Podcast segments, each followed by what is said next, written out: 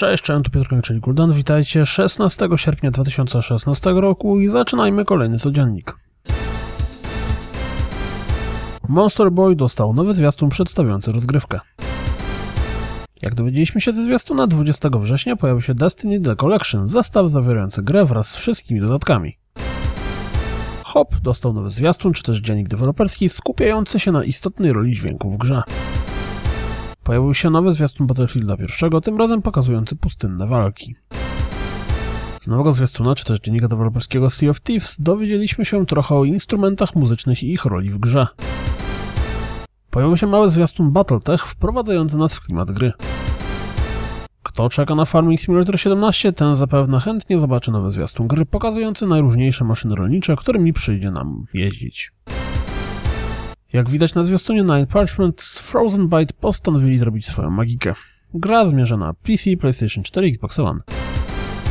Pojawił się zwiastun Neopolis, RTS-a skupiającego się na walce i trochę biednie wygląda.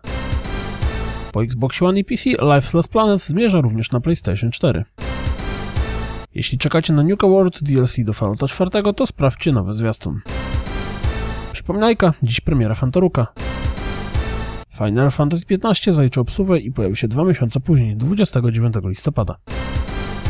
Killing Floor 2 zadebiutuje na PC i PlayStation 4 18 listopada. Oceanhorn jest dostępny na Steam, a 7 września pojawi się również na PlayStation 4 i Xbox One. W plikach PC-owej wersji No Man's Sky dogrzebano się do informacji, jakoby istniała również wersja na Xbox One. Według Amazonu Skybound ma się pojawić 28 kwietnia.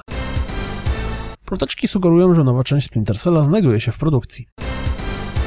Nordic Games przemianowali się na THQ Nordic. PlayStation 4 dostanie niedługo nowy update systemu, a o dokładnych zmianach, jakie wprowadzi, możemy przeczytać już dziś. Koniecznie obejrzyjcie tak jakby dzienniki deweloperskie związane z South Park The Fracture Butthole. Koniecznie obejrzyjcie, naprawdę, koniecznie. Nowe dzienniki deweloperskie Battlefielda pierwszego skupiają się na pojazdach. Jesteście ciekawi, jak będzie wyglądał pierwszy Dead Rising na PC? To sprawdźcie fragmenty rozgrywki. Z wywiadu z Macayem McCandishem możemy dowiedzieć się kilku interesujących rzeczy o trybie dla pojedynczego gracza w Titanfall 2. To wszystko na dziś, jak zawsze dziękuję za słuchanie, jak zawsze zapraszam na www.rozgrywkapodcast.pl Jeśli doceniacie moją pracę, wesprzyjcie mnie na Patronite i mam nadzieję słyszymy się jutro, trzymajcie się, cześć!